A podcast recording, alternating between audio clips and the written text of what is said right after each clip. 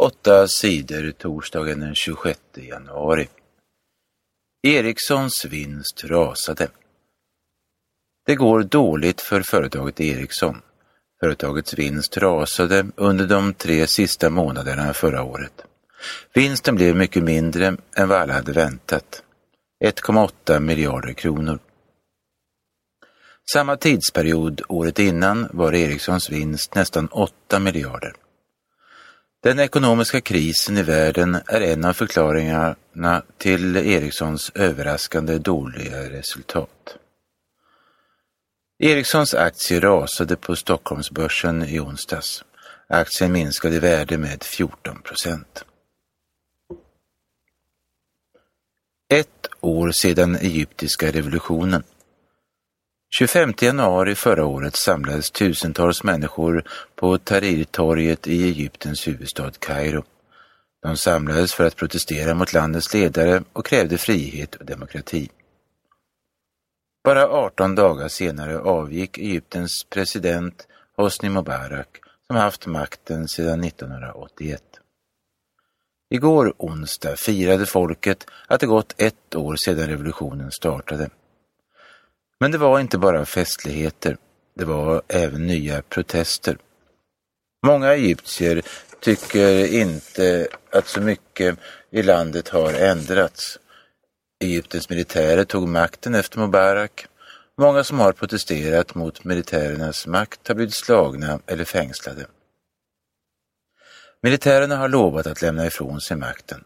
De hoppas kunna ordna ett presidentval i sommar. I höstas fick människorna i Egypten för första gången rösta i valet till landets parlament. Förlust i sista matchen för Sverige.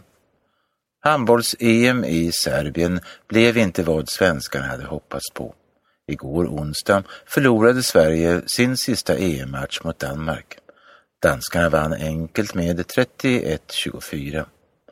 En vinst hade inte räckt för att gå vidare till semifinal. Men då hade Sverige haft större chans att få en lättare kvalgrupp till OS i sommar. Sverige vann bara en av sina sex EM-matcher. Sverige förlorade tre och spelade oavgjort två matcher. HIV-smittade i Kongo får inte medicin. I landet Kongo-Kinshasa i Afrika är många människor HIV-smittade. Men bara några få får de mediciner som hindrar dem från att bli sjuka i aids. De flesta får ingen hjälp.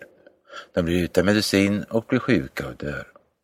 86 procent av de hiv-smittade i Kongo-Kinshasa får inte medicin som bromsar eh, sjukdomen aids.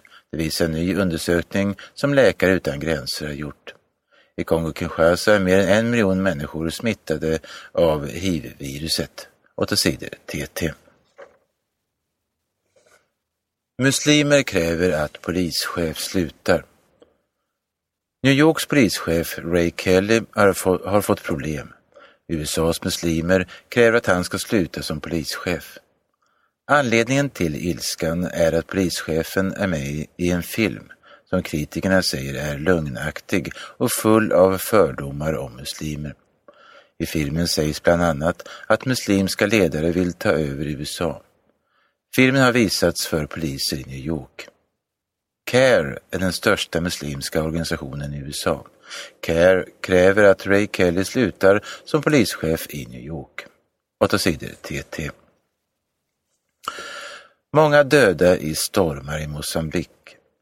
Minst 25 människor har dött i oväder i landet Mosambik i Afrika.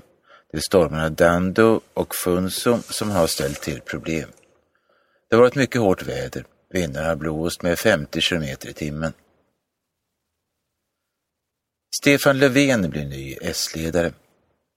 Fackchefen Stefan Löfven blir ny partiledare för Socialdemokraterna. Det sa nyhetsprogrammet Ekot på torsdagsmorgonen. Stefan Löfven ska leda partiet fram till partiets kongress 2013.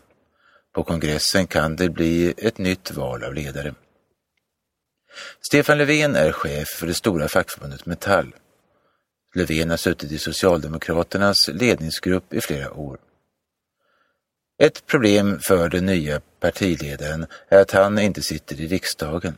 Han kan inte vara med i debatterna i riksdagen mot de andra partiledarna. Det arbetet kommer troligen att skötas av Sven-Erik Österberg. 8 sidor TT.